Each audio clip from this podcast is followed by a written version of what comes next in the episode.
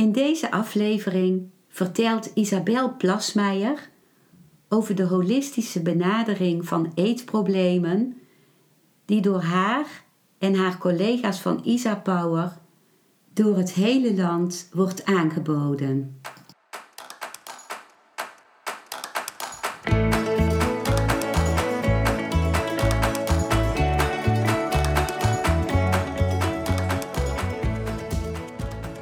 Welkom bij een nieuwe aflevering van Modita's podcast Van Pijn naar Zijn.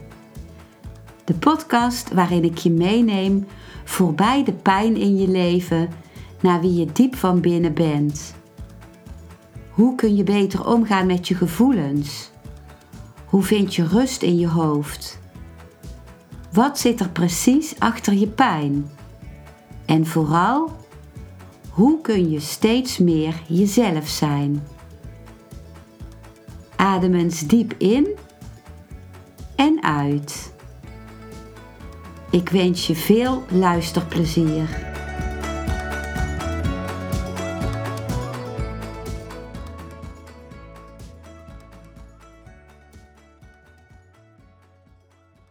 Isabel Plasmeijer is ervaringsdeskundige op het gebied van anorexia en bulimia en is therapeute, oprichtster van Isa Power en schrijfster van meerdere boeken.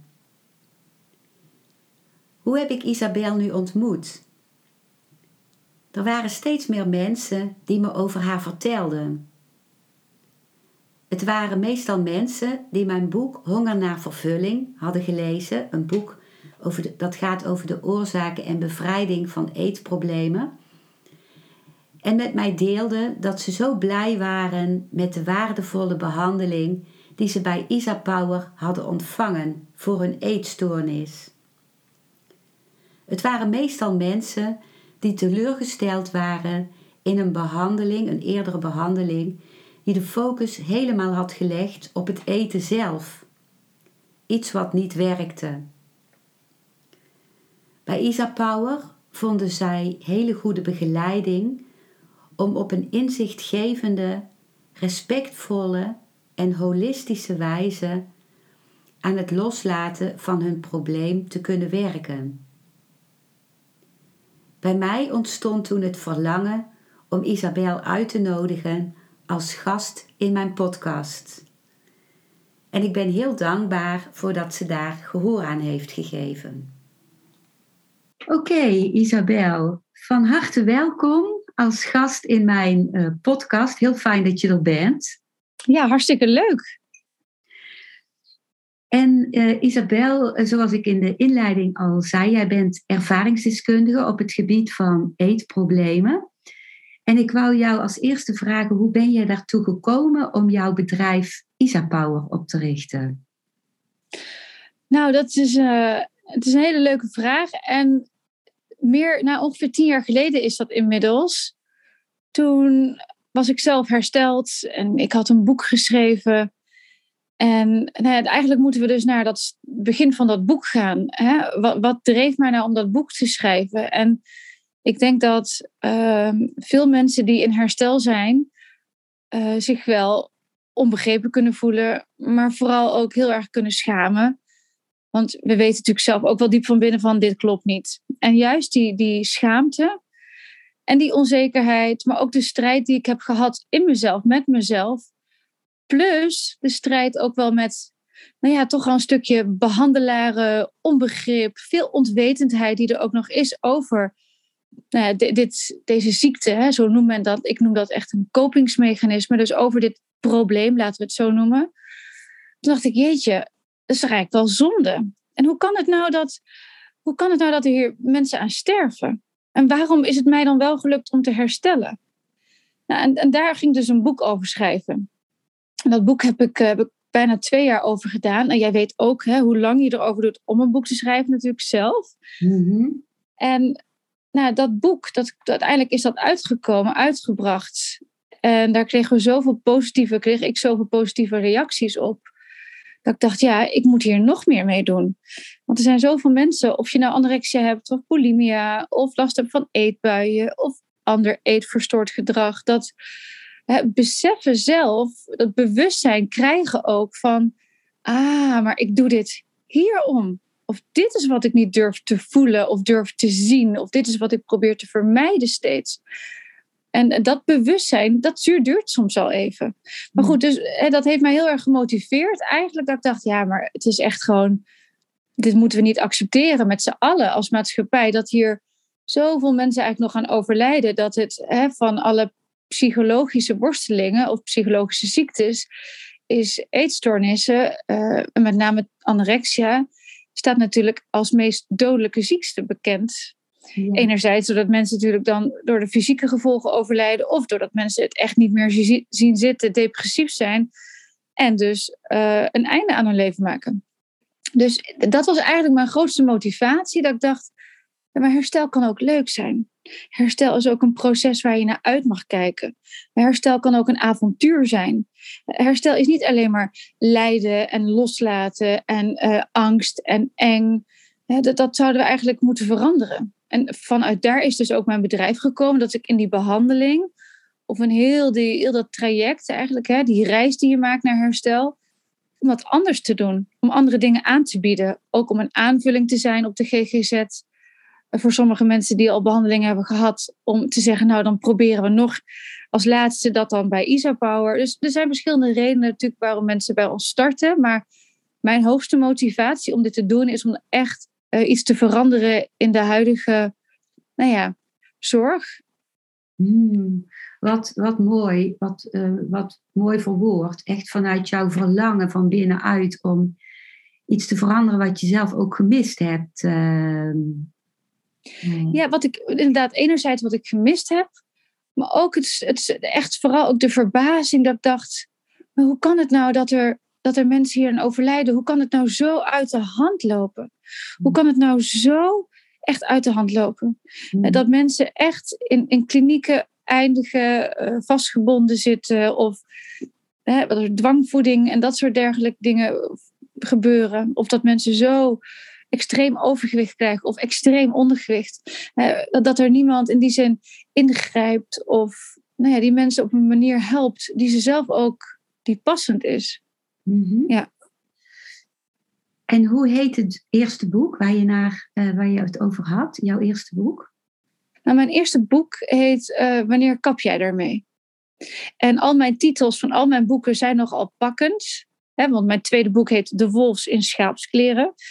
Want zo, zo, dat is natuurlijk de functie ook van de eetstoornis. Die, die, die komt om jou eh, te helpen. Er is iets wat in je leven waarbij je je gesteund wilt voelen. Of waar je als houvast of als controle of als verdoving. Dus die functie van die eetstoornis is natuurlijk voor iedereen anders. Maar dus de wolf in schaapskleren. Want uiteindelijk realiseer je natuurlijk ook wel...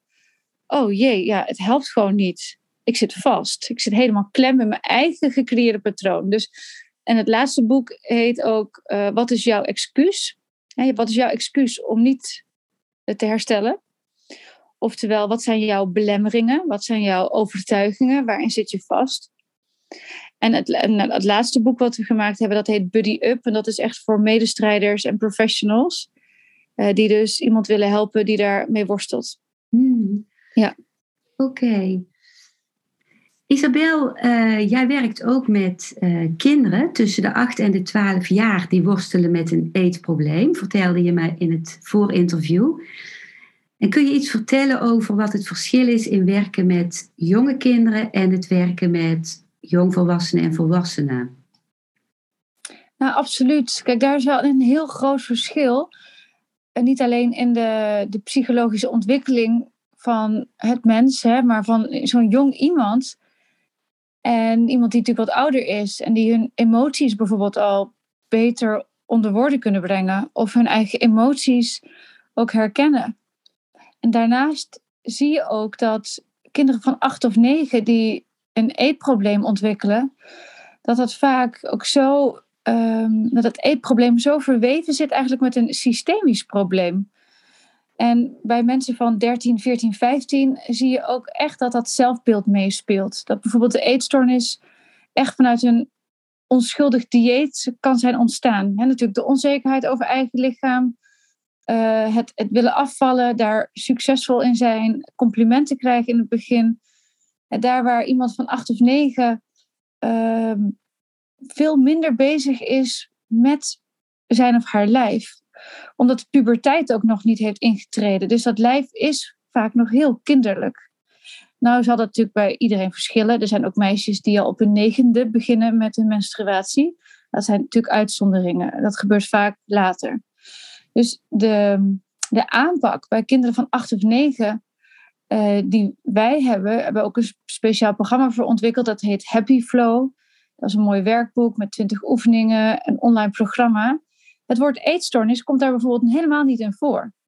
Mm Dus hebben wel, ze beseffen zich wel van, oh, ik heb een probleem met eten of het lukt me niet. Of, hè, um, maar dan, dan is vaker veel meer eh, dat, dat we gaan kijken van, hé, maar wat is er nou aan de hand in het gezin? Is er spanning tussen papa of mama? Of is er een broertje of zusje uh, bijvoorbeeld ziek of wat meer aandacht krijgt? Uh, hoe gaat het met dat kind? Waarom openbaart zich dat nu? Mm-hmm. dus je bent sowieso, ben je altijd systemisch aan het werk. Eh, waar iemand 15 of 16 is, kun je natuurlijk ambulant eh, zorg geven en één op één de sessies doen met de cliënt zelf. En dan spreek je uiteraard ook af en toe spreek je natuurlijk de ouders.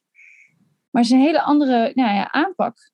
Mm-hmm. En, en manier hoe je natuurlijk met uh, hoe je ook naar dat probleem kijkt. Dus de functie van het eetprobleem is weer heel anders. Oké, en is het dan ook dat je dan het, het, het hele gezin ziet? Bij een jong kind? Ja, zeker.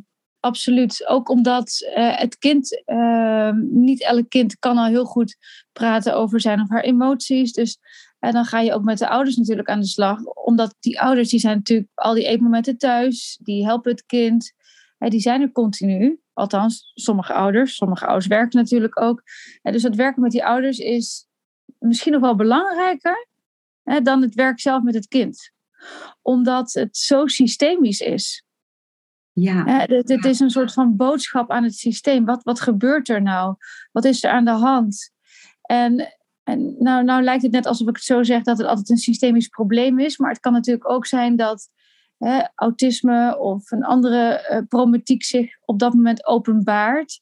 Waardoor het eten bijvoorbeeld ook een verdovende functie heeft al wel. Hmm. dus het is niet zo dat ouders die nu luisteren, te denken, oh dan heeft het met ons te maken. Nee, dat is absoluut niet zo. En je, je kijkt automatisch veel systemischer, omdat ouders een, een belangrijke rol natuurlijk vervullen. Ook al is je kind 16, dan vervul je natuurlijk nog steeds een hele belangrijke rol. Alleen het kind is veel afhankelijker ook nog van de ouders. dus het zit veel meer met elkaar nog verweven. Het kind is afhankelijker van de ouders. Dus de ouders hebben automatisch een, een, die begeleidingsrol, die is veel intensiever bij een jonger kind dan bij een al volwassener kind. Mm Ja, en, maar ik denk het belangrijkste is als je vraagt van hoe ziet dat dan uit en wat is het verschil? Ik, dat we vooral bij jonge kinderen uh, dat, dat die eetstoornis niet willen conditioneren. Ja, dus daarom hebben we er ook voor gekozen om eigenlijk, natuurlijk is er een eetprobleem of er is een stoornis in het eetgedrag. Uh, dat, dat onderkennen we niet of dat ontkennen we niet. En het belangrijkste is dat we het kind juist nog steeds kind willen laten voelen, ondanks dat er een probleem is. Ja. En dat we eigenlijk uh, dat kind willen helpen met die emotieregulatie. Okay. Met, met de systemische uitdagingen die er dan zijn. Of de persoonlijke uh, veranderingen. Oké. Dankjewel, uh, Isabel. Mijn, mijn volgende vraag die ik aan je had, sluit daarbij aan. Je zei al het belang van de, uh, het werken met de ouders bij, kinderen met, bij jonge kinderen met eetproblemen. En um, hoe jij, betrekken jullie ouders bij de behandeling van uh, kinderen die wat ouder zijn? Dus in de groep van zeg maar 13 tot bijvoorbeeld 20. Mm. Ja, kijk, ik denk dat ongeacht onze leeftijd, we maken allemaal onderdeel uit van een systeem. En een systeem is eigenlijk, uh, wat we daarmee bedoelen, is natuurlijk dat je onderdeel bent van een familie of een gezin. Maar een ander systeem is natuurlijk ook school, werk. dat zijn allemaal systemen. En als je kijkt naar iemand van 13 tot 20, die zijn, de meeste wonen dan nog thuis, sommigen van 20 misschien niet meer. Dus wat we eerst doen is natuurlijk onderzoeken met de cliënt samen van oké, hoe is het thuis? Wat zijn de, hoe is de communicatie? Hoe gaat dat? Hoe gaan je ouders om met dit probleem? Uh, waar, nou ja, sommige kinderen schamen zich, dus dan ga je daarover in gesprek natuurlijk. En je probeert ook ouders, zeker als kinderen dus nog thuis wonen, is dat je natuurlijk ouders daarbij betrekt.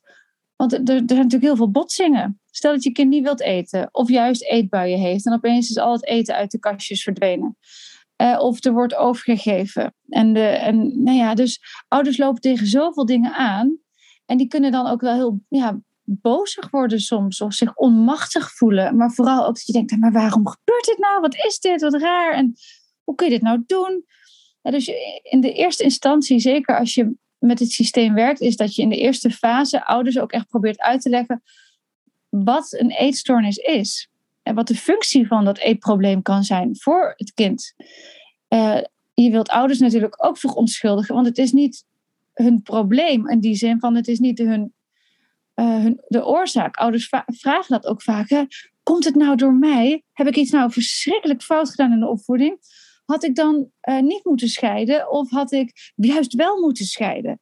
En komt het omdat ik vroeger veel gewerkt heb? Of Komt het omdat ik juist niet gewerkt heb en dat ik altijd thuis was en ze altijd aan het overbeschermen was? En dus ouders zitten met heel veel schuldvragen.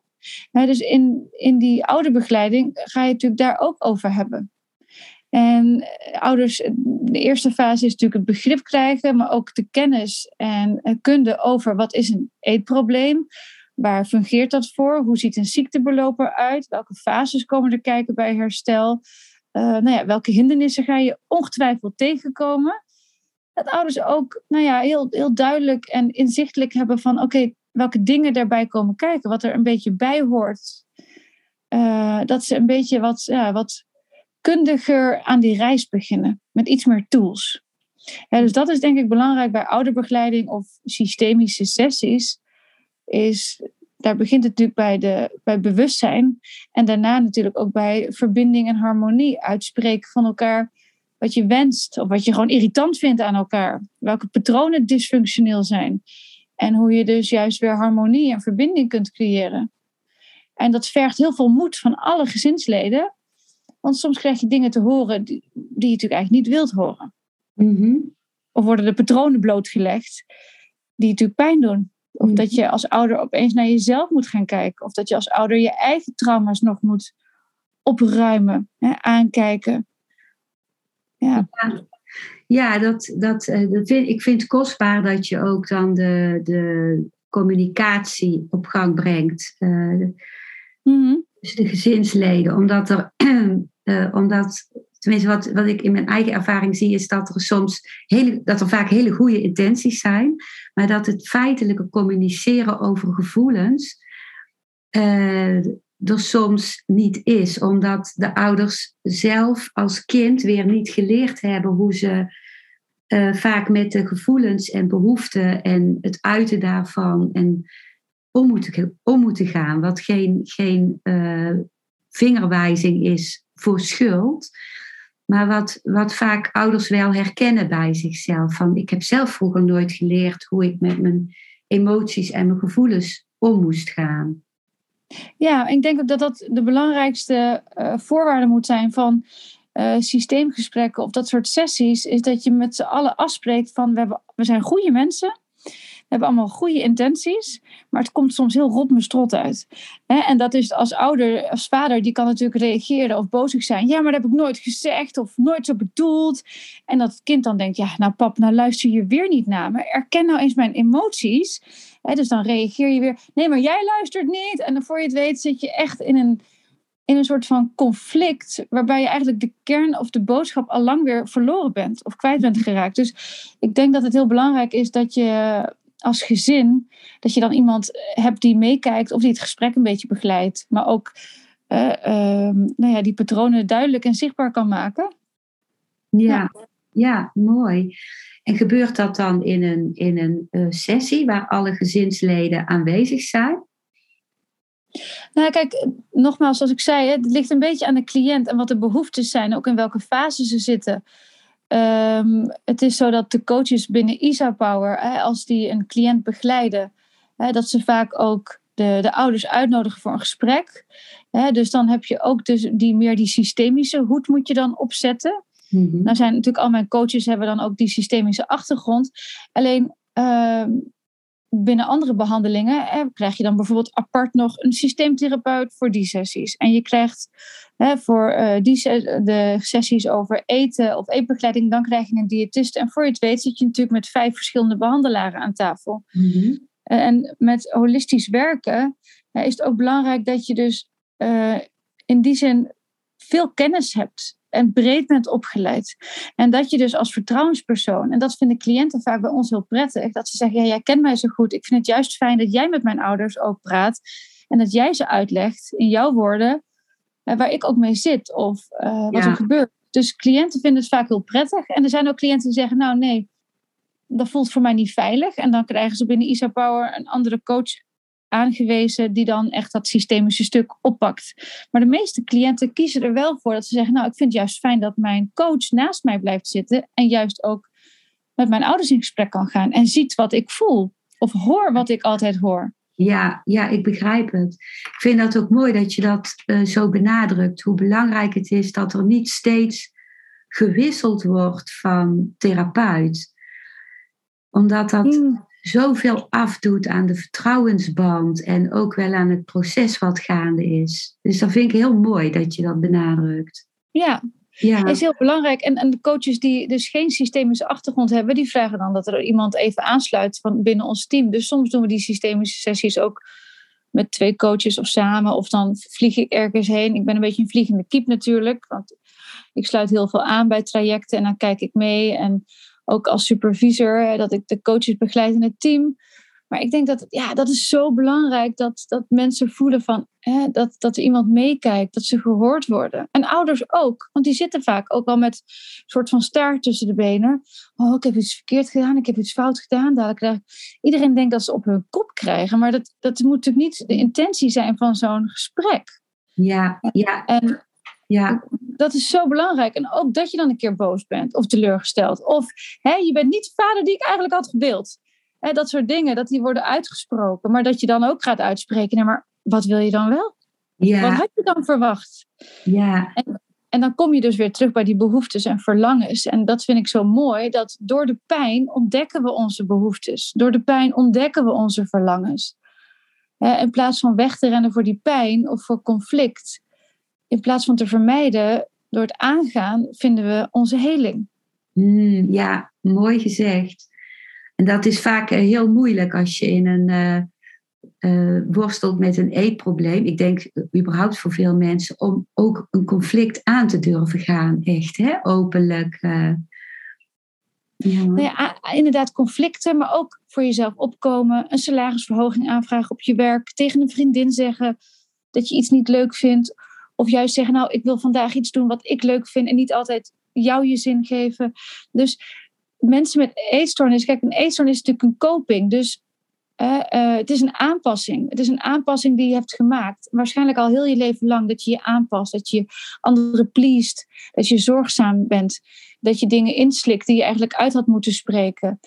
Dus het is logisch dat je van nature ben je dus heel erg vermijdend en conflict, nee, dat je daarvoor vlucht conflictvermijdend ook. Ja.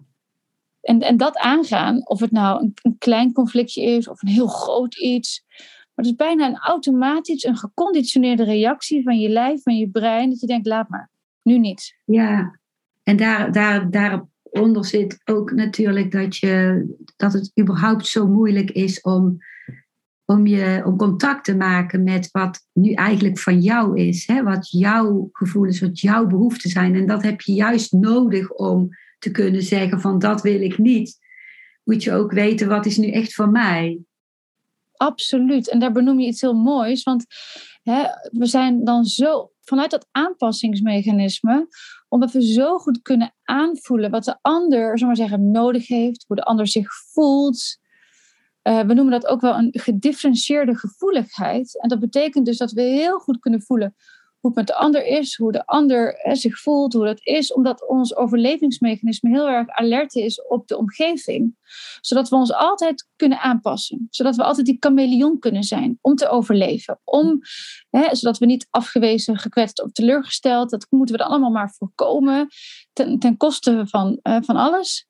En omdat we ons dus steeds aanpassen, op een gegeven moment zijn we zo verwijderd van onze eigen gevoelens, dat we inderdaad dus niet meer weten, maar wat wil ik? En wat voel ik? En wat heb ik nodig? Omdat we zo getuned zijn op wat de ander wilt, nodig heeft, voelt, ziet. En dat is dus dat aanpassingsmechanisme. Dus die eetstoornis is daarin ook een coping. Dat, dat helpt dan. Bij al die gevoelens, bij al die emoties. Ja. En helpen uh, tussen haakjes natuurlijk. Want het is tijdelijk en het is heel dus dysfunctioneel. Uiteindelijk kom je nog vaak, je komt nog meer klem te zitten in dat patroon. Dus je zult dat moeten doorbreken. En dat voelt dus ook ontzettend eng, omdat je dus niet gewend bent al jarenlang om dus dingen aan te gaan. Mm dus met knikkende knieën, zweet onder je oksels, bibberende handjes, trilstem, gestotter. dan moet je dat dus gaan doen. Mm, ja, ja dat is uh, de uitnodiging. Ik vond het ook wel mooi dat je aan het begin van het uh, interview zei dat het, uh, behalve inderdaad dat hele spannende, hè, waardoor mensen vaak zelfs voor terugschrikken om überhaupt aan een behandeling te gaan beginnen, dat het ook gaandeweg een avontuur wordt en ook leuk kan worden in wat je ontdekt. -hmm. Juist, ja, en dat, dat is inderdaad ook de uitnodiging aan alle mensen die luisteren en aan cliënten. Omdat je dus zegt, ga de uitnodiging van het leven aan. Ja. Uh, zet die stappen, stap voor stap. Mm. En dat, dat je fouten maakt, dat je faalt, op je bek gaat, dat hoort er allemaal bij. zonder die fouten, zonder al die momenten, was je nooit geworden wie je nu bent. En je kunt dus alleen maar sterker worden. Dus je kunt alleen maar winnen op, deze, op deze reis. Ja, en ik denk dat het ook voor veel mensen een, heel fijn is dat jullie alleen werken met ervaringsdeskundigen. Dus dat mensen zelf de ervaring hebben van een eetstoornis uit hun eigen verleden. En die, die reis kennen om eruit te komen geleidelijk aan. Ja, dat, dat is inderdaad heel fijn. Soms is het ook heel confronterend, want er zijn natuurlijk onze coaches kunnen bij wijze van spreken jouw gedachten en je zinnen afmaken, maar die kunnen ook uh, door de bullshit heen kijken. Als je dan weer een excuus hebt bedacht voor jezelf. En daardoor heen prikken, ja, dat is eigenlijk wel, het is ook wel bevrijdend. Het is ook wel opluchtend. En mm. dat er geen schaamte is, omdat iemand anders dat misschien ook heeft gedaan. Of iets anders heeft gedaan. En dat je daar zelfs om kan lachen. Dat je op een gegeven moment ook kan lachen. Dat je denkt, oh ja, dat heb ik ook gedaan. Heel tijd naar de koektrommel kijken, niks pakken. En dan de deksel omhoog doen en aan die koekje, met die koekjes gaan praten. Zou ik je nou eten of niet? Nou weet je wat? Nee, toch maar niet. Oh, maar misschien dan een, een halve. Dat mag wel, een halve. Oké. En dan heb je die halve op en dan ren je weer terug. En dan neem je de andere helft. En dan neem je weer het koekje. En op een gegeven moment denk je, ik eet gewoon alles op. Het is toch al verpest. En weet je, dat zijn van die voorbeelden. Bijvoorbeeld hè, als je dan bulimia hebt. Dat je dan denkt, oh, dat heb ik ook altijd. En dan mm. droom ik erover. Of in mijn anorexia-periode, dan mocht ik allemaal niks van mezelf. Natuurlijk was het natuurlijk onwijs streng hè, voor mezelf. En dan uh, droomde ik dat ik, uh, midden in de nacht droomde ik dat ik een friet speciaal op had gegeten. Mijn zus en ik gingen altijd naar de snackbar in ons dorp waar we vroeger woonden. En ik had die friet speciaal op. Maar ik werd dus echt in paniek midden in de nacht wakker. Ik zat rechtop in mijn bed. Een soort van, oh nee, oh nee. En dan moet ik daar echt, weet je wel, dan moet ik dan er weer afsporten morgen. En toen op een gegeven moment, toen keek ik naar mezelf. En het was donker. En toen dacht ik, het is donker. Het is midden in de nacht. Hey, ik heb mijn pyjama aan. Oh, ik heb gedroomd. Oh, het was maar een droom. Ik heb helemaal geen friet speciaal op. Oh, gelukkig. Maar toen kwam ook het besef dat ik dacht... Jezus, Isabel, kijk naar wat er gebeurt. Je droomt over een friet speciaal. Je hebt gewoon bijna een soort van halve hartverlamming. Je nachtmerrie van, dit, dit is toch belachelijk. Vroeger mm. had je getennist en dan ging je daarna een frietje eten. En het leven ging gewoon door. En het leven was fantastisch. Het is toch mm. eigenlijk te erg voor woorden dat je dat die obsessie zo groot is geworden. En dat je dat allemaal niet meer gunt. Dus maar snap je, dus ja. het, het, kan zo groot worden. Ja, ja, ik snap het. Ja, ook vanuit mijn eigen ervaring uh, snap ik het. Ja, en mensen vinden dat heel fijn om die, die verhalen te horen. En sommige mensen gaan dan natuurlijk ook, eh, sommigen gaan dan vergelijken. Ja, maar jij hebt het langer gehad, of jij hebt het korter gehad, of jij hebt het niet zo dun geweest, of jij hebt geen opname gehad. En dan zeg ik ook, ja, maar het is geen wedstrijd.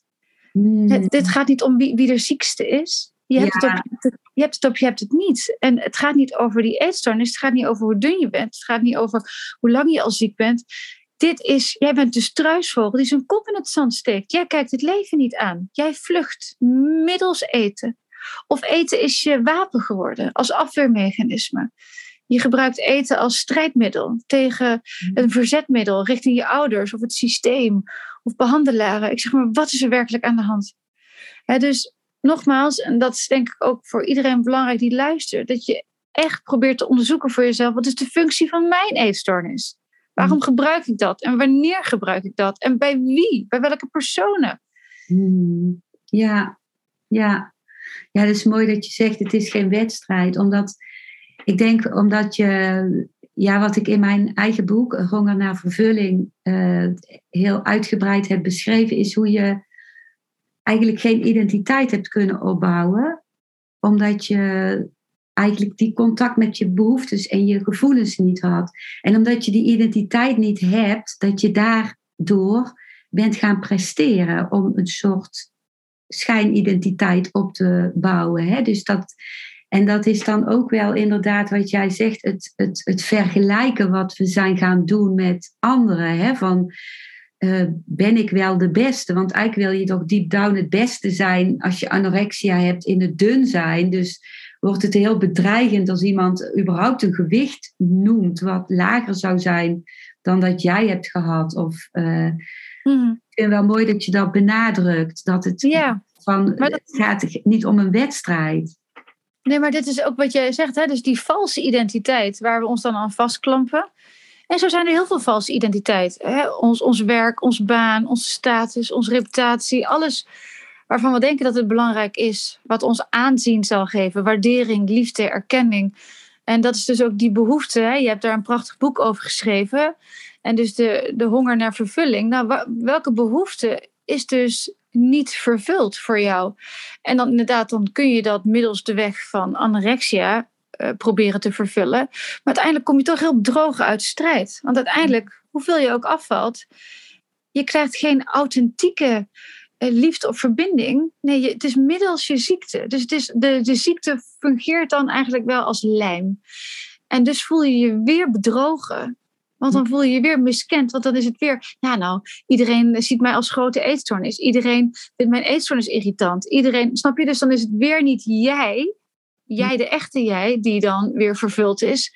Nee, dan heb je je eetstoornis daarvoor ingezet. Dan probeer je daar anderen of jezelf mee schaakmat te zetten. En, en dat is dus ook vaak zo zonde en zo verschrikkelijk en erg. En hoe eerder je dus daarachter komt, hoe beter. Want dan kun je stoppen daarmee. En het jammer is ook wel dat in het begin van het afvallen iemand vaak heel veel complimenten kreeg, omdat die slankheidscultuur zo, zo op de voorgrond staat. Hè? Dus dat dan eerst iemand wel dacht van, oh ja, nou hoor ik erbij door dunner te worden. En even later slaat het inderdaad door dat iedereen je aan gaat staren van, hè, wat loopt daar nou een raar iemand rond die zo dun is. Ja, zeker. Ja, Maar inderdaad, dus dat als je eerst in bevestigd wordt of bekrachtigd in datgene wat je doet, en je voelt je daardoor eh, zelf ook wel bijzonder en speciaal, dan ga je daar dus mee door. Hmm. En dat is dus belangrijk. Op een gegeven moment heeft dus het kopingsmechanisme heeft zijn functie volbracht. En dan als je daar dus nog verder in doorslaat, ja, dat levert dus niks meer op. Hmm. Uh, dus het, het, kost je alleen maar. Het kost je alleen maar. En, en dat dus toegeven. Ik weet nog over mezelf ook. Ik voelde me zo bedrogen. En ik kon niemand de schuld geven. Want ik, ik, ik, had, ik was zelf in de val gelokt. Ja. En dat is dus een onbewust proces. Hè? Dus je kunt ook niet zeggen: Oh, dat is de schuld van mijn ouders. Want die hebben me te weinig liefde gegeven. Of het is mijn eigen schuld. Dan ben ik toch een sukkel. Waarom kan ik niet stoppen? Dat zijn dus onbewuste psychologische processen ook. Dat we natuurlijk van nature geneigd zijn om ons aan te passen, om te overleven. He, dus het is, heel, het is bijna, bijna ont, onontkoombaar soms. Hmm. He, dus dat we door zo'n heel proces heen moeten. Ja. Eigenlijk achteraf gezien kan ik zeggen: hey, mijn eetstoornis heeft mij juist wakker geschud, geschud om die valse identiteit te moeten gaan loslaten. Het heeft dus zo extreem geweest. Hè, maar ik moest wel transformeren. Ik moest wel loslaten. Want het Ja. deed zoveel pijn. Wat mooi. Ik herken dat. Dat, dat het je op een, op een spoor kan zetten waar je zonder die eetstoornis niet opgekomen was mogelijk. Ja, wat Ja. mooi. En wat was bij jou, Isabel, het eh, punt? Want voor mensen is het vaak heel moeilijk om überhaupt begeleiding te, te vragen. Hè? Want voor een deel eh, ben je ook bang om het, om het eetprobleem los te laten, omdat het ook zoveel geeft, zeg maar. Wat was voor jou het moment dat je dacht van, nu wil ik toch aan begeleiding beginnen? Ja, dat heeft wel lang geduurd. En dat kwam ook door de schaamte. En tegelijkertijd, het kwam ook door een, een- een- mijn karakter. En ik denk dat veel mensen dat wel herkennen van... ik doe het wel zelf. Ik doe het wel alleen. Ik ga niet om hulp vragen. Hulp vragen is zwak. Huilen is zwak. Ik wil, andere, ik wil aan andere mensen laten zien dat ik het alleen kan.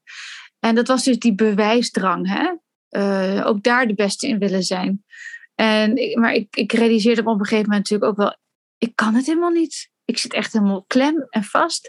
En ook al heb ik mezelf voorgenomen, hè, s ochtends vroeg of s avonds als ik in bed lag en weer met mezelf aan het praten was, dat ik de volgende dag zou ik echt beter gaan doen, dan gebeurde het toch weer. Dus op het moment suprem, als, zal zeggen, als de verandering daar was, dan, dan nam ik niet die, dat extra eten. Of dan was ik weer aan het spugen. En dan dacht ik, ja shit, is toch weer gebeurd. En ik weet nog dat ik op dat moment in de keuken stond. En ik moest heel hard huilen. Dat mijn moeder op een gegeven moment ook zei: We gaan nu echt hulp zoeken. We gaan nu echt hulp zoeken. Je moet hier met iemand over gaan praten. Nee, dat wil ik niet. Weet ik, dat riep ik dan ook nog. Ja, dat was zoveel schaamte. En ik denk dat, hè, dat het belangrijk is dat je voelt dan ook: Oh nee, daar gaan ze van me afpakken. Daar moet ik loslaten. Of hè, waar, waar, waar gaan ze dan achter komen? Dadelijk gaan ze allemaal vragen stellen. Dus je bent ook heel bang dat iemand zo recht in je ziel gaat kijken. En je, je, ja, je bent eigenlijk voor alles bang op dat moment. En ik denk dat het belangrijk is dat mensen zich beseffen van ja, niemand kan het van je afpakken. En dat is ook niet, dat is niet mijn intentie althans. Dat zeg ik ook tegen mensen die bij mij komen. Ik ga het niet van je afpakken. Je mag het nog even houden van mijn part. Wauw, geweldig. Ik, Ja. ga ook niet zeggen, ik ga ook niet zeggen, je moet nu stoppen met, eh, met eetbuien. Of je moet nu aankomen. Dat is niet de intentie. Weet je, ik bedoel, uiteindelijk dat is het gevolg van die psychologische verbetering, vooruitgang. Dus ehm, ik denk dat mensen ook moeten beseffen van... hé, hey, je bent nog steeds in control. Ook al ga je met iemand daarover praten... betekent niet dat ze het meteen van je af kunnen pakken. Wauw, wat moet dat fijn zijn om te horen. Als, als ik dat gehoord had, eh, toen ik de eetstoornis had, dat had voor mij gezorgd dat ik contact zou zoeken. Ja, en dat je dus die verbinding durft aan te gaan. Ja. Het voelt al heel bevrijdend. Hè, want ja, en, en, daar, en dat is ook vaak wat er, denk ik, eh, gebeurt. Is dat er een soort touwtrek eh, wedstrijd ontstaat tussen je moet aankomen. Ja, maar dat durf ik nog niet. Ja, maar je krijgt anders geen behandeling. Of dit. Dus bijna die, die dwang en dat verzet, dat versterkt elkaar. En eigenlijk, ik noem het ook wel de conditionering van de eetstoornis. Dus dat we eigenlijk het patroon wat we niet willen dat groeit, dat juist versterkt wordt, omdat het een coping en een afweermechanisme is. En dat is juist het schadelijke. Dat wil je als behandelaar niet. Dat wil je als ouders niet. Uh, dat wil je eigenlijk zelf als cliënt ook niet. Maar op een gegeven moment denk je, ja, hallo, blijkbaar is dit wel uh, heel erg uh, belangrijk. Hè? Of nu ziet iedereen mij. Oh nee, nou, uh, nu luisteren ze wel. Nou, hè, altijd drie jaar eerder gedaan. Ik ben al drie jaar, zal maar zeggen, op de, de nooddeur, de alarmbel aan het kloppen thuis. Maar niemand die me hoort of ziet. Mm. En er zijn ook kinderen die zeggen, ja, ik, ze, ze luisteren niet naar mij. En dat ouders op een gegeven moment ook tegen mij zeggen, oh, dat het zo uit de hand heeft moeten lopen. Hebben we het gewoon, we hadden veel eerder het serieus moeten nemen. Ja. Dat er soms wel kleine voorbodes waren, maar niet werden opgepikt. Kinderen die het natuurlijk moeilijk vinden ook om hulp te vragen. Dus het is, het is heel lastig soms om dat dan heel erg vroegtijdig op te sporen. Ja. Maar er zijn, natuurlijk, er zijn wel heel veel signalen. En dat is ook natuurlijk uh, het, het schoolsysteem wat daaraan kan helpen en bijdragen. Mm-hmm. Maar goed, terug naar jouw vraag. Wat was dat ook alweer? Ik ben zo op dreef. Zo.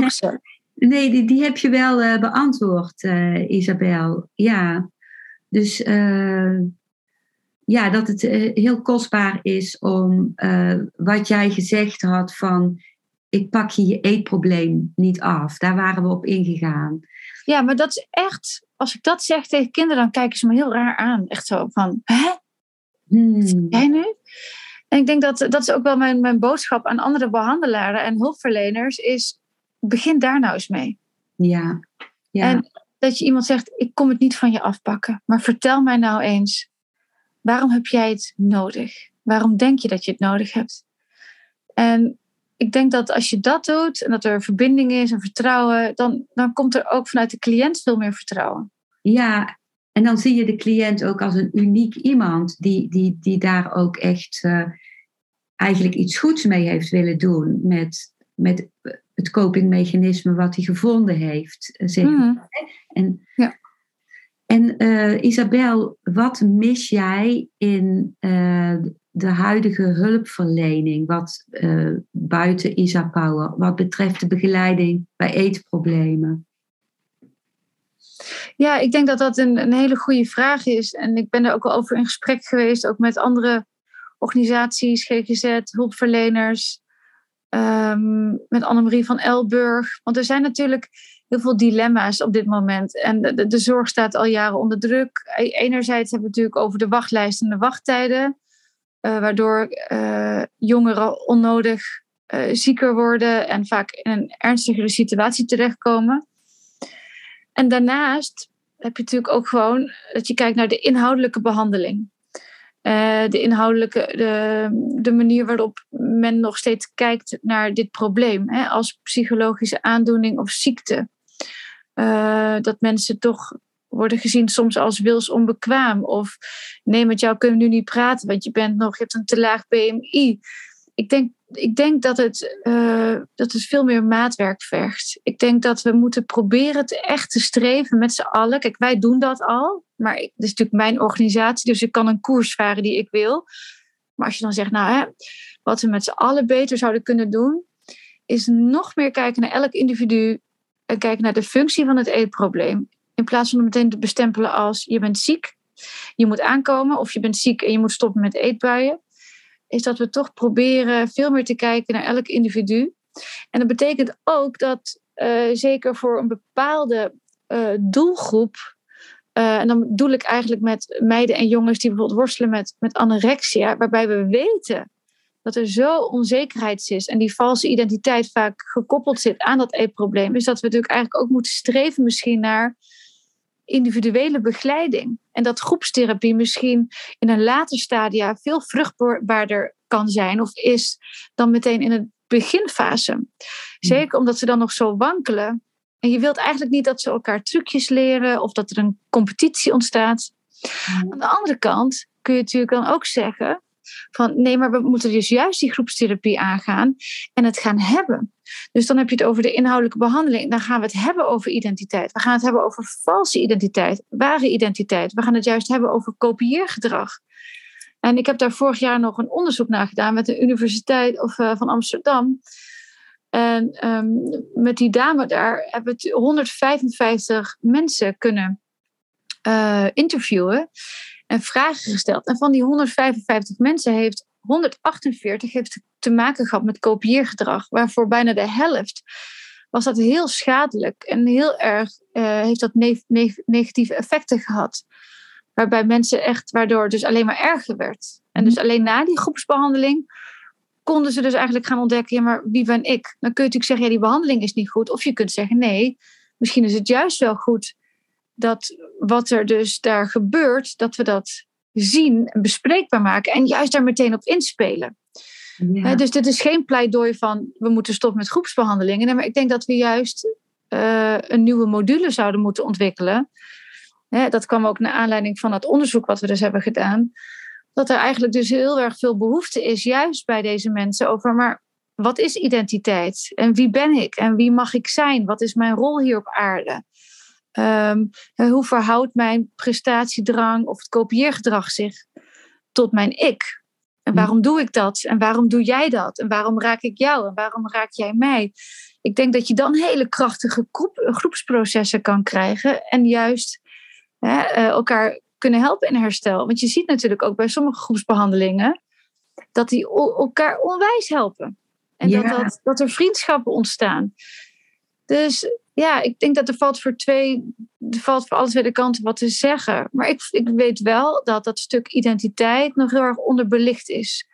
Ze krijgen de meeste behandelingen is er ruimte voor psycho-educatie omtrent het brein, eten. Er is natuurlijk PMT, er is creatieve therapie vaak. Er zijn ehm, individuele sessies. Maar misschien is er nog wel meer ruimte, en daar zou ik dan echt voor pleiten, ook meer ruimte voor de emotieregulatie, nog meer ruimte dus voor die identiteit. Ja. Eh, dat uh, in elke fase, ook al is er extreem ondergewicht, dat je toch kijkt naar wat kan er wel en wat kun je wel onthouden. En um, nou ja, goed, ik heb natuurlijk ook in, binnen mijn organisatie dat we soms ook met hele complexe casuïstiek te maken krijgen, omdat mensen al verschillende behandelingen hebben gehad. Waarbij we ook jongens en meisjes begeleiden die heel erg extreem ondergewicht hebben. Maar toch kiezen we er dan voor om te zeggen, we beginnen toch met die psycho-educatie en de uitleg. En we gaan toch een betekenisanalyse doen. En we gaan toch kijken, wat is de functie van het eetprobleem? En ja, gelukkig hebben we het, al die meiden en jongens toch nou echt fantastisch op weg kunnen helpen. Helemaal naar volledig herstel. Dus je kunt niet zeggen, je hebt ondergewicht, dus we gaan even wachten tot die 10 kilo erbij zit. En dan pas gaan we praten. Ik denk dat we daar van af moeten. En dat we moeten kijken naar, maar wat kun jij aan? Het gewicht is natuurlijk wel een belangrijke factor. Want als iemand extreem onder voeten is, dat snappen we allemaal. Dat je dan minder goed kan concentreren, dat je minder goed dingen kan onthouden. Maar dat betekent niet dat je helemaal geen gesprekken kan voeren of geen hulp verdient. Ja, wat, wat mooi gezegd. Uh, ik vind dat zo belangrijk dat jij ook de nadruk legt op die betekenisgeving. Omdat dat is wat iemand zich van binnenuit afvraagt van wat komt er voor in de plaats als ik het eetprobleem loslaat. En dat jij daar de nadruk op legt. En ook zelfs dat daarmee aan de slag gaat uh, boven het eerst herstellen van het gewicht. Ja. Ja, nou het, het liefste doe je dat natuurlijk geleidelijk aan. Hè? Bij sommigen is dat gewicht super urgentie, bij sommigen wat minder. Ja. Ja. En, daarin, en daarin, dat bedoel ik ook met dat uh, op maat gemaakte trajecten. Of, maar ook de, de, het ambulant werken. Dus dat bijvoorbeeld veel behandelaren veel meer naar, bij mensen thuiskomen. In plaats van dat mensen naar de kliniek moeten. En dat daar de behandeling plaatsvindt. Maar dat je kan zeggen, nee, we gaan juist in het systeem kijken. En we gaan het systeem versterken. Ja. Ja en dat je gebruik maakt van vrienden, familie. En dat die uitleg krijgen. Wij doen bijvoorbeeld ook interventies. Hè, dat we dus het hele systeem en de opa's en oma's, ooms, tantes, buren, vriendjes, vriendinnetjes. Allemaal uitleggen wat het is. Mm dat ze, want mensen weten op een gegeven moment ook niet zo goed van, moet ik er nou over beginnen of niet? Zou ik mhm. nou naar vragen? Het is net als iemand, als iemand overleden is, dat je het moeilijk vindt om iemand te condoleren. Er hangt een beetje soms zo'n begrafenissfeer, weet je wel? Dat je op een gegeven moment dat je niet meer weet wat je moet zeggen tegen elkaar. Ja. En het is juist bevrijdend, ook voor de cliënt zelf, dat je gewoon kan hebben over, ja, maar vertel nou eens even, hoe werkt het dan bij jou? En uh, maar vind jij jezelf dan dik? Ja of nee? En maar hoezo dan? Vind jij jezelf dan dikker dan mij? Dat vriendinnen dat gewoon kunnen bespreken. Ik heb dat ooit gedaan in zo'n sessie. En op een gegeven moment gingen die twee vriendinnen dus voor de spiegel staan in een bikini. En dat die vrienden ook zei, maar zie je dan niet dat mijn lijf echt veel, veel voller is dan dat van jou? Ja, dat zie ik nu wel. En die gingen dus op een gegeven moment ook bikinis uitwisselen. Nou, dat was heel, echt hilarisch. En die meiden, die zeiden op een gegeven moment ook, oh, dit was zo bevrijdend. Het was zo fijn dat ik gewoon een keer tegen haar ook kon zeggen, ik vind het zo raar wat je eigenlijk allemaal denkt en, en denkt of doet. En dat die vriendin kon zeggen, het was eigenlijk wel fijn dat ik bevrijdend, dat ik al die dingen gewoon eens kon benoemen. Dat ik zo mm. jaloers ben op jouw lijf. Ja, lieverd, maar je bent wel echt de helft van mij. Mm. En die dingen die dan worden uitgesproken. Ja, weet je, mensen en de omgeving weet vaak gewoon niet. Moeten we nou voorzichtig zijn? Ja, ze zijn wel heel kwetsbaar natuurlijk. we willen ze natuurlijk ook niet aan het huilen maken. Dan denk ik wel eens, oh, je moest weten hoe sterk ze zijn. Het zijn echt van die pitbulls. Mm. Je, je kunt best wel benoemen wat je voelt, ziet of denkt. Ja, dat vind ik ook heel mooi dat, ze dan, dat dan de, de echte verbinding tot stand komt. Dat, dat, dat, dat is zo'n groot onderdeel van de vervulling waar je naar op zoek bent, omdat je in zo'n isolement leeft. En dat er dan echt een, een verbinding, ook echt heel down to earth van uh, hoe is het nou om, om, om, om, om zo te zijn of om je zo te voelen? Of, ja, heel mooi vind ik dat. En ook ja, met, ja, maar ook die emotie, bijvoorbeeld de emotie jaloezie die je soms kan voelen naar je broer of zus of naar andere vriendinnen. Hmm. En dat je dan zelf kan denken, oh ik heb echt gefaald, ik ben niet zo succesvol.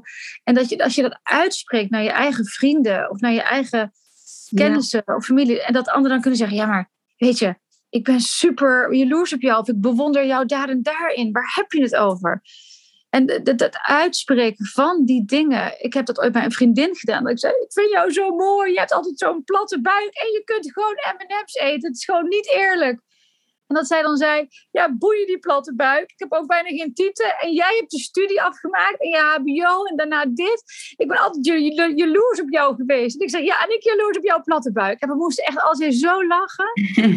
zo bevrijdend. Ja. Maar dat durf je niet, want er zit schaamte en jaloezie. En jaloezie is sowieso zo'n emotie waar we het helemaal niet over willen hebben. Ja, wat mooi. Ik vind dat heel mooi. En ik ben het met je eens, wat je zei van het gewicht is ook belangrijk. Op een gegeven moment merkte ik ook pas als ik bij een bepaald gewicht was, kwamen mijn emoties ook terug. En dan kun je ook echt pas gaan werken aan die emoties. Maar het mooie vind ik aan die betekenisgeving die jij zegt. Zelfs als je aan iemand zou vragen van wat wil je eigenlijk in je leven? En iemand komt er dan achter van, oeh, ik zou zo graag willen dat ik het wist, maar ik weet het niet. En als het daar dan voor nodig is dat ik weer bijkom bij gewicht, dat dat weer op gang komt, is ook al winst.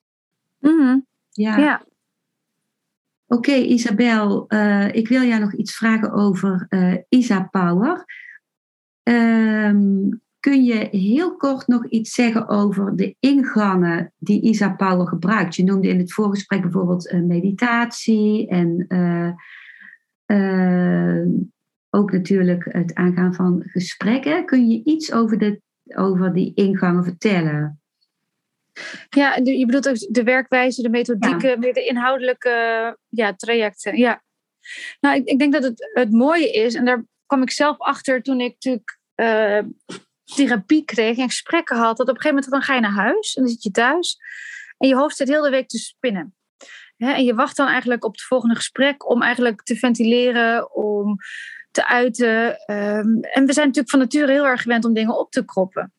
En toen dacht ik, eigenlijk moet er uh, zeker bij ambulante trajecten, wat natuurlijk ook het grote deel is van uh, de mensen die eetproblemen hebben, het zijn allemaal ambulante trajecten. En je moet eigenlijk naar huis gaan en je moet iets nog kunnen doen. Je moet uh, tips hebben, je moet aan het werk gezet worden. Want je moet een beetje in die flow blijven. He, want zo, je kunt je natuurlijk heel opgelucht voelen als je dan een gesprek hebt gehad met een behandelaar. Je kunt je, ik hoop dat je je opgelucht voelt, want dat zou het doel moeten zijn. Dat je een klik hebt met je behandelaar en dat je je opgelucht voelt. En dat je denkt, oh, ik ben weer, ik zit weer, ik ben verrijkt met wijsheid en inzichten. En toen dacht ik, ja, dus die gaan naar huis. En toen dacht ik, ik moet een werkboek ontwikkelen en een programma en een online systeem.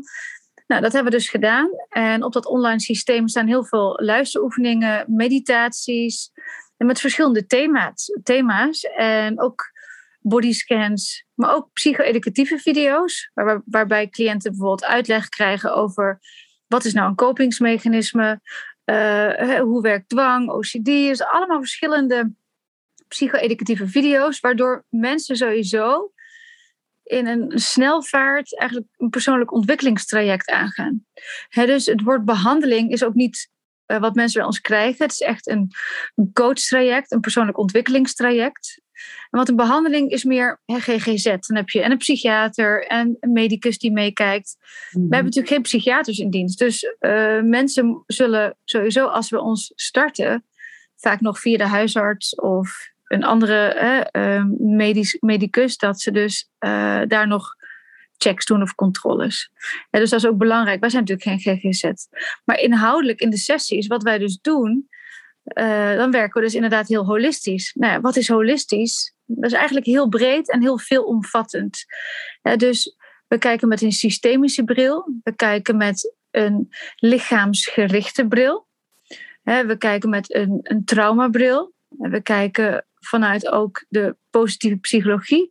En we doen dus heel veel opdrachten en oefeningen. En ook in de, in de sessies zelf. Het zijn niet alleen praatsessies. We gaan met mensen boksen. We doen uh, lichaamsgerichte oefeningen. Uh, sommige van mijn coaches zijn ook, uh, hebben een access bar opleiding gevolgd. Ikzelf ook. Een access bar is bijvoorbeeld een, een hoofdmassage. We noemen het ook wel de acupunctuur zonder naalden. Sommige van mijn coaches zijn ook Reiki masters. en sommige hebben dus een systemische achtergrond. Dus ja, dan doen we familieopstellingen of met poppetjes of met, met, met andere voorwerpen. Tijdens de events doen we natuurlijk de echte opstellingen met representanten. En dan doen de cliënten die gaan, eh, of deelnemers, die gaan zelf natuurlijk aan het werk als representant. Mhm. En nou ja, dus het is wat dat betreft, en daarom noemen we het ook heel holistisch, omdat er vanuit zoveel invalshoeken wordt gekeken van hey, hoe kunnen we nou de ingang vinden tot herstel, tot genezing, tot jezelf eigenlijk. Heel mooi. Maar wat, wat rijk, uh, Isabel. En ik, ik vind het zo mooi om te horen. En ook vind ik het woord coach eigenlijk nog zoveel mooier als behandelaar, omdat je echt naast iemand staat en uh, met iemand meeloopt. Uh, Er werken 25 mensen bij Isa Power, zei jij, allemaal ervaringsdeskundig door het hele land. En, ja. en ik zag ook dat er geen wachttijden waren, zag ik op de site. Ja, dat klopt inderdaad. Het is wel zo dat eh, sommige praktijkhuizen, ehm, die zijn wel, sommige coaches die hebben, zitten inderdaad uh, vol, dus die kunnen geen nieuwe cliënten aannemen. Maar we hebben natuurlijk altijd een andere locatie of ik zorg dat we nieuwe coaches opleiden. Uh, dan zal in ieder geval cliënten wel bij ons terecht kunnen.